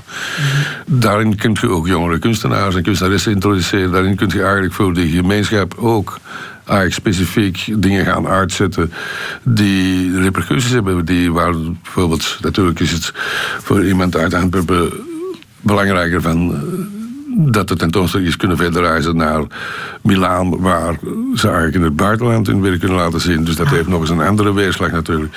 Dus dat zijn allemaal dingen die dan kunnen gezien worden als de beloning of zo bedoel. Mm, en Caravaggio's naar Antwerpen halen, dat, dat doe je maar één keer in je leven? Een reusachtige kick. En dat dat gelukt is, is eigenlijk ja, een wonder in principe. Mm. Dat was zeker niet evident.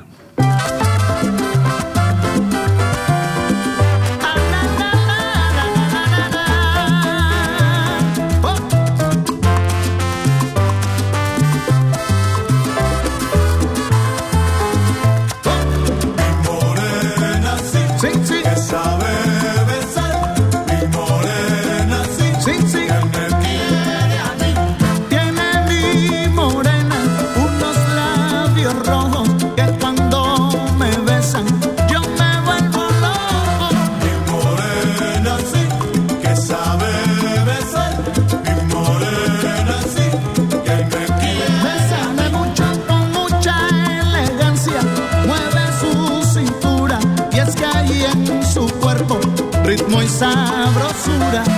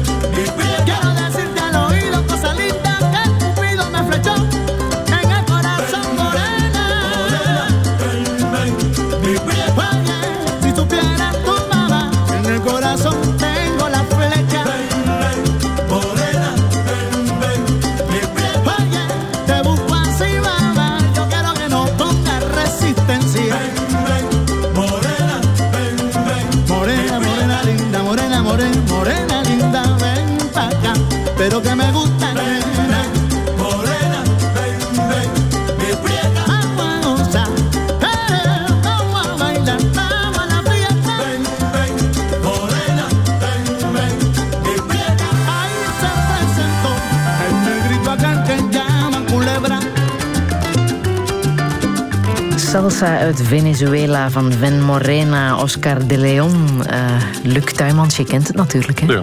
ja. Hoe goed ken je deze muziek? Ja, eh, via mijn vrouw ken ik natuurlijk eh, deze muziek. ja. Dus het is eh, oorspronkelijk afkomstig van Caracas, Venezuela. Dus. Ja.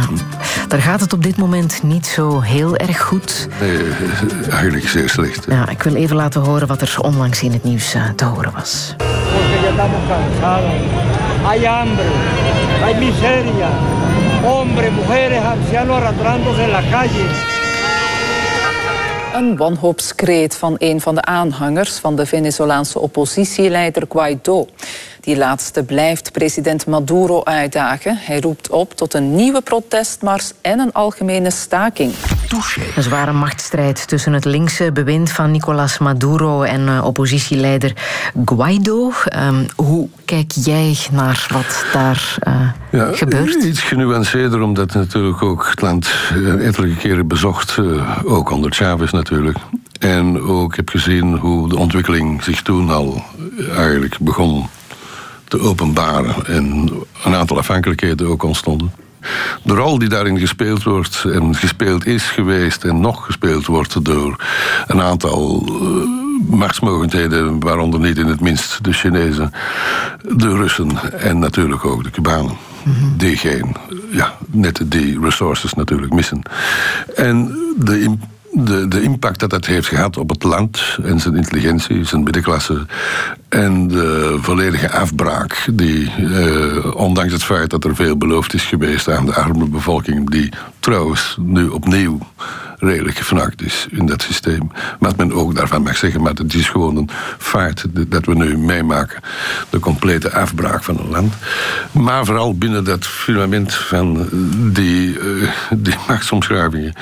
Waarin er eigenlijk helemaal niet meer rekening gehouden wordt met wat de bevolking in principe overkomt. Dus in principe is dat een schandaal.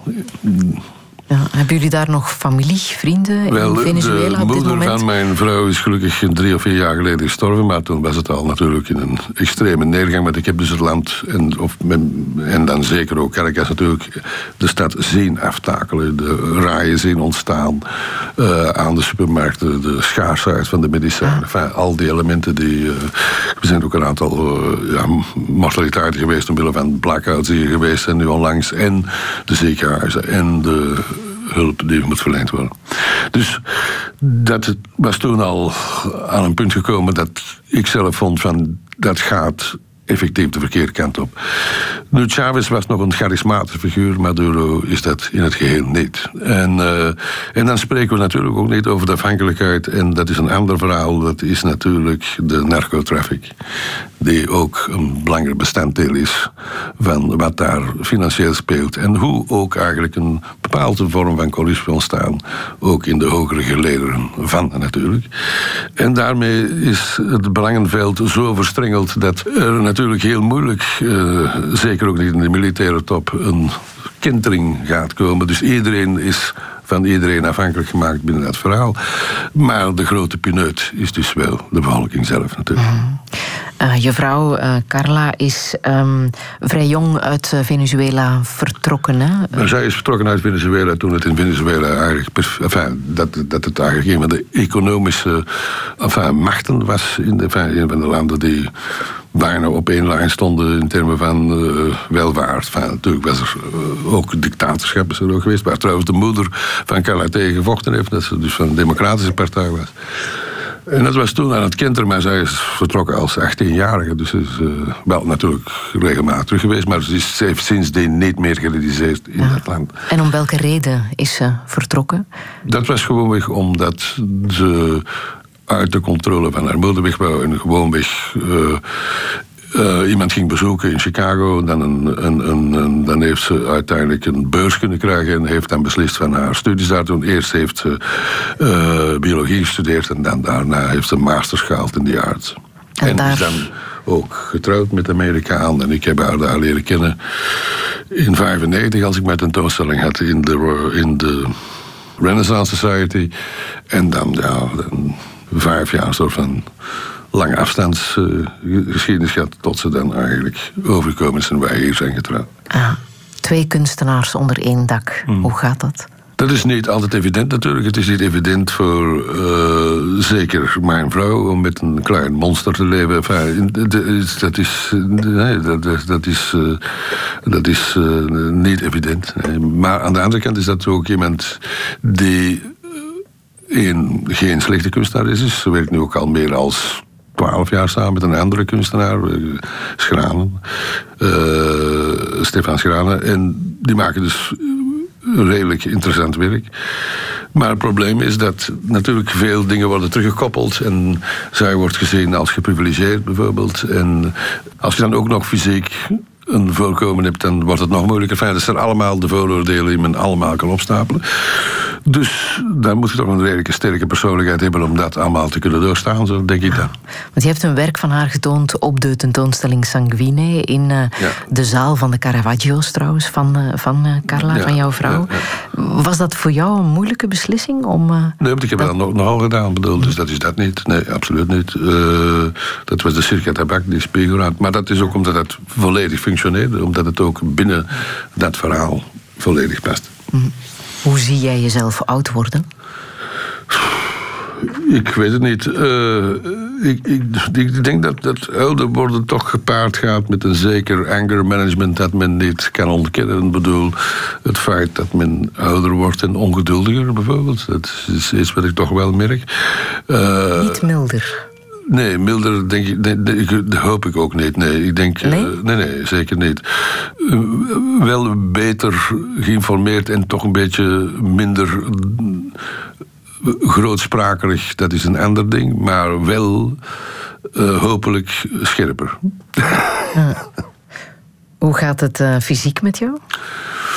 Dus dat, dat is dus allemaal nog, valt er allemaal nog redelijk mee. Buiten dus natuurlijk die nixtinose die ik heb gehad, dat is, dat is artrose. Dus dat zijn ouderdomsverschijnselen. En nu platvoeten, dat is ook een ouderdomsverschijnsel. En een ja, ligament dat gewoon weggescheurd is, dat nu moet opgevangen worden door een operatie die de 17e mei zal doorgaan. Uh, waardoor ik dan toch niet echt weer kom bekwaam, maar toch zeker op dat been gedurende zes weken niet kan steunen. Dus, dat wordt een rustige zomer. Ja, het zal uh, niet de zomer worden die ik maar had bedacht. Maar bal, aan de andere kant moet je daar waarschijnlijk door. Maar dat zijn natuurlijk dingen die je krijgt met het ouder worden. Dus uh, fysieke mankementen natuurlijk. Mm -hmm. En hoe gaat het mentaal met jou? Mentaal gaat het goed, bedoel. En dat is waarschijnlijk ook nog... Enfin, als, dat is natuurlijk het ergste. Moest men gaan dementeren en zo, dan wordt het wel een stuk moeilijker. Dat is ook de reden waarom ik Hugo Claus altijd goed heb begrepen... dat hij euthanasie wou plegen. Omdat de man te trots was om iets dergelijks te moeten ondergaan. Zou jij dat ook doen? Dat zou ik misschien toch overwegen, omdat ik, de feiten zijn mensen die daar extreem op gereageerd destijds. Maar ik vond dat hij daar toch niet alleen het recht toe had, maar ook gelijk in had. Kan jij nog genieten van jouw succes? Ja. Poh, ik heb dat nu, nu, nu, niet echt gedaan, zo in principe. Uh, maar het succes aan zich is een raar ding. Ik bedoel, uh, er zijn natuurlijk momenten waarin dat gevoel dat er een zekere erkenning komt die emotioneel iets dood, ga ik ook niet ontkennen. Maar dat is natuurlijk constant.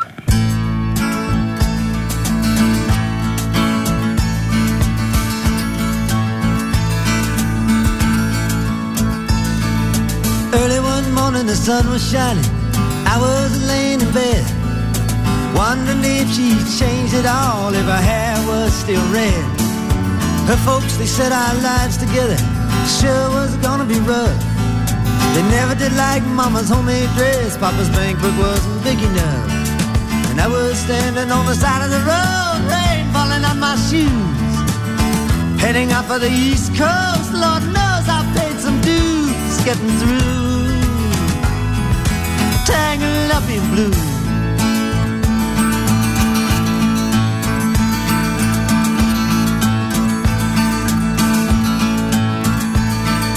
She was married when we first met, soon to be divorced. I helped her out of a jam, I guess, but I used a little too much force.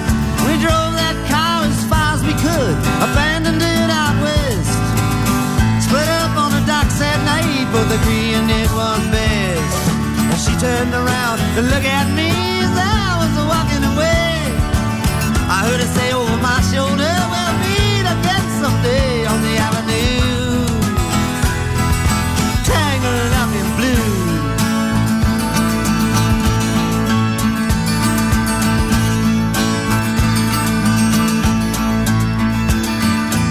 I had a job in the great North Woods working as a cook for a spell.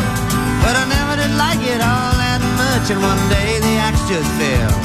So I drifted down to New Orleans, so I lucky with a be employed. Working for a while on a fishing boat right outside of Delacroix. But all the while I was alone, the past was close behind. I seen a lot of women, but she never escaped my mind, and I just grew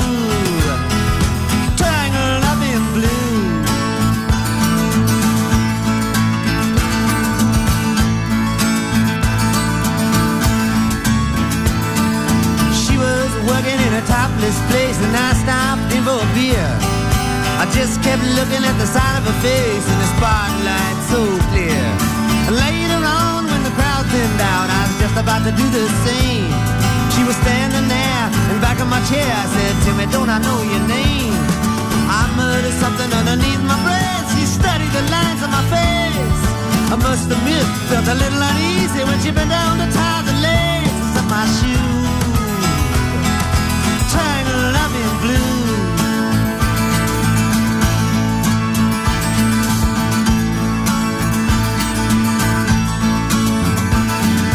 She lit a burner on the stove and offered me a pipe.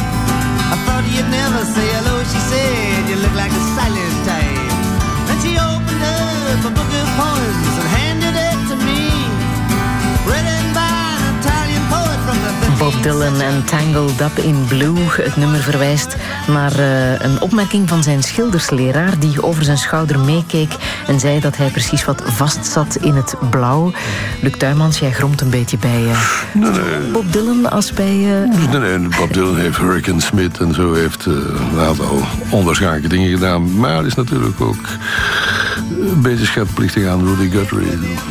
Dus dat is dan mijn grote held in dat verhaal. Zo, die als een weerwoord ook op heel, heel, heel, heel de situatie van de popmuziek bedoel, vond ik een, weerbarstige figuur, eh, Bob Dylan. Nu, ik heb wel een aantal tekeningen en dingen gezien van Bob Dylan, dat hij dan zo visueel pleegt. Maar eh, het is toch moeilijk, uh, dubbeltalent is toch niet, dus het is toch meestal een moeilijk gegeven, denk ik dan. Nochtans zijn er verschillen. Hè? Grote namen die nog een ander talent hebben proberen te ontwikkelen. Zoals ook Bob Dylan, die is gaan Ja, schilderen. natuurlijk. eh, ja. Brad Pitt probeert nu ook kunstenaar te worden en is continu in het eh, atelier van Thomas Hazegoe, een oude ex-student van mij van de Rijksacademie. Dus bedoel, dat, dat, dat kan ook allemaal. Dus ik kan er geen oordeel over vestigen, maar veelal is dat toch geboren uit een ander soort van overtuiging. Iets dat eh, toch meer als collateral damage kan gezien worden dan iets anders, denk ik dan. Ja, wat is jouw andere talent? Tentoonstelling maken, dat is mijn collateral damage. dan. Je bent er vorig jaar 60 geworden. Hè? Hmm. Was dat moeilijk? Wel, ik heb die gevierd met mijn vrouw vakantie ergens zonder een groot poeha en feest. Dat wou ik ook niet. En eh, in Griekenland geloof ik. Argelanden bezocht, veel gezwommen. En was dat moeilijk om nu te zeggen dat dat voor mij een landmark was? Eh, niet echt, nee. Maar toch ben je bezig met hoe het verder moet. Hè? Wat eh, jouw kunstwerken, op welke manier je die kan eh, ehm, vereeuwigen, mag ik dat zo zeggen? Nee, nee, het is, niet, het is de legacy. Ik bedoel, men moet natuurlijk duidelijk eh, bewust zijn van het feit dat kunstenaars niet meer dezelfde legacy gaan hebben, zoals bijvoorbeeld Velasquez of Caravaggio of Breugel of you name it. Ten andere bijvoorbeeld, Caravaggio is misschien ook wat 200, 300 jaar vergeten geweest. Terug, eh, Rubens niet, hè. Rubens is altijd aanwezig gebleven. En ook Rembrandt heeft een downfall gehad op het einde van zijn leven. En Vermeer is pas in de 19e eeuw komen opduiken. Caspar David Friedrich is een late ontdekking geweest. Dat soort van legacy en dat soort van aandacht zal er ook gewoon dood en veilig gewoon niet meer zijn. Vandaar dat jij die catalogue raisonné Vandaar dat je dus jezelf moet voorbereiden op het ja. instrument dat er moet zijn, zodat het kan geraadpleegd worden. En daarin probeer je alle werken. die Nee, je niet alleen dat. Je moet ook je archief digitaliseren. Je moet eigenlijk... eh, Ja, dat is natuurlijk... Een, dat heeft met de tijd te maken. Dat is... dan kunnen we nog zien wat voor stappen gedaan worden. Dat kan eigenlijk een zeer interessante wending krijgen naar het einde toe, waarin dat je het eventueel nog kunt omsmaken. Waarin dat je het misschien nog een stap verder kunt drukken in een grotere perversie. Waarin dat je eigenlijk eh, door het gebruik van social media, door het gebruik van dingen toe te passen op. Dat, trouwens, dat is zoiets waar ik trouwens mee aan het spelen ben. En eh, zien wat je daar dan eigenlijk, uh, niet zozeer om aangetast te zijn, maar eigenlijk opnieuw om die weerstand te bieden. Wat zou je echt nog willen in het leven? Hm? Ik wil eigenlijk ook gewoon blijven verder schilderen. Omdat ik dat nog altijd graag doe. Gewoon het gevoel, het puur fysieke element. En ik wens me daar natuurlijk ook hoe langer of minder voor te verantwoorden. Dat, dat is toch een, een zeker duidelijk genot dat buiten mij staat en wat ik toch niet echt ondanks het feit dat ik dat dan denk, volledig kan controleren. Een Luc Tuymans museum, zou je dat nooit, ooit willen? Nooit, jamais. Dat gaat in mijn testament staan. Dat is de dood van elke kunstenaar. Een museum over één kunstenaar is de dood van elke kunstenaar. Ik bedoel, dat contextualiseert hem niet meer. En dat is belachelijk. Dat is een soort van idolatrie die überhaupt niks te bedden brengt, denk ik. Waar mag jouw werk dan wel bij voorkeur hangen als het aan jou ligt? De museums nog bestaan, als ik uh, niet meer ben. Het liefst in de grootst mogelijke publieke gemene delen, wat nog altijd een museum is. En, uh, maar ja, ik zeg, bedoel, dat hangt er vanaf hoe dat de zaak evolueert natuurlijk. Maar dat is wel de optie. De optie is dat de, toegankelijkheid uh, er is. Ik bedoel, dat is hetzelfde als je bijvoorbeeld, ja, als je, waar, zou je willen hangen? Bijvoorbeeld als je dat, de vraag maakt met dat praten over het Kunsthistorisch Instituut, dat is een museum dat bezocht wordt dagelijks. Dus dat heeft toch wel een bepaalde impact. Welke boodschap wil je nog meegeven? Bijvoorbeeld de boodschap is dat ik hoop dat de wereld, uh, die nu secondengewijs dommer wordt, toch op een bepaald moment een beetje ontwaakt. En uh, eigenlijk uh, terug het idee uh, voorop stelt van, en dat is misschien een oude, te oude gedachte, hè, van iets te willen bereiken. Misschien leven we nu in een wereld waarin dat het ook niet meer hoeft. Ik heb nog Gymnopedie van uh, Erik Satie uh, klaarstaan. Waarom wil je dat laten horen? Omdat dat een van de dingen is die ik herhaaldelijk heb gespeeld toen ik in een vrij existentiële crisis zat met een platenspeler op mijn klein atelierke in de, de Kroonstraat. Uh, de nachten aan stuk. Uh, en ook de eenzaamheid die uit de muziek van Erik Satie spreekt, maar tegelijkertijd ook het rigide element dat daarin spelen, dat lijkt allemaal heel simpel, maar dat is het dus niet. En dat, ja, dat heeft zo'n beetje altijd een emotioneel punt geweest voor mij, dus daarmee.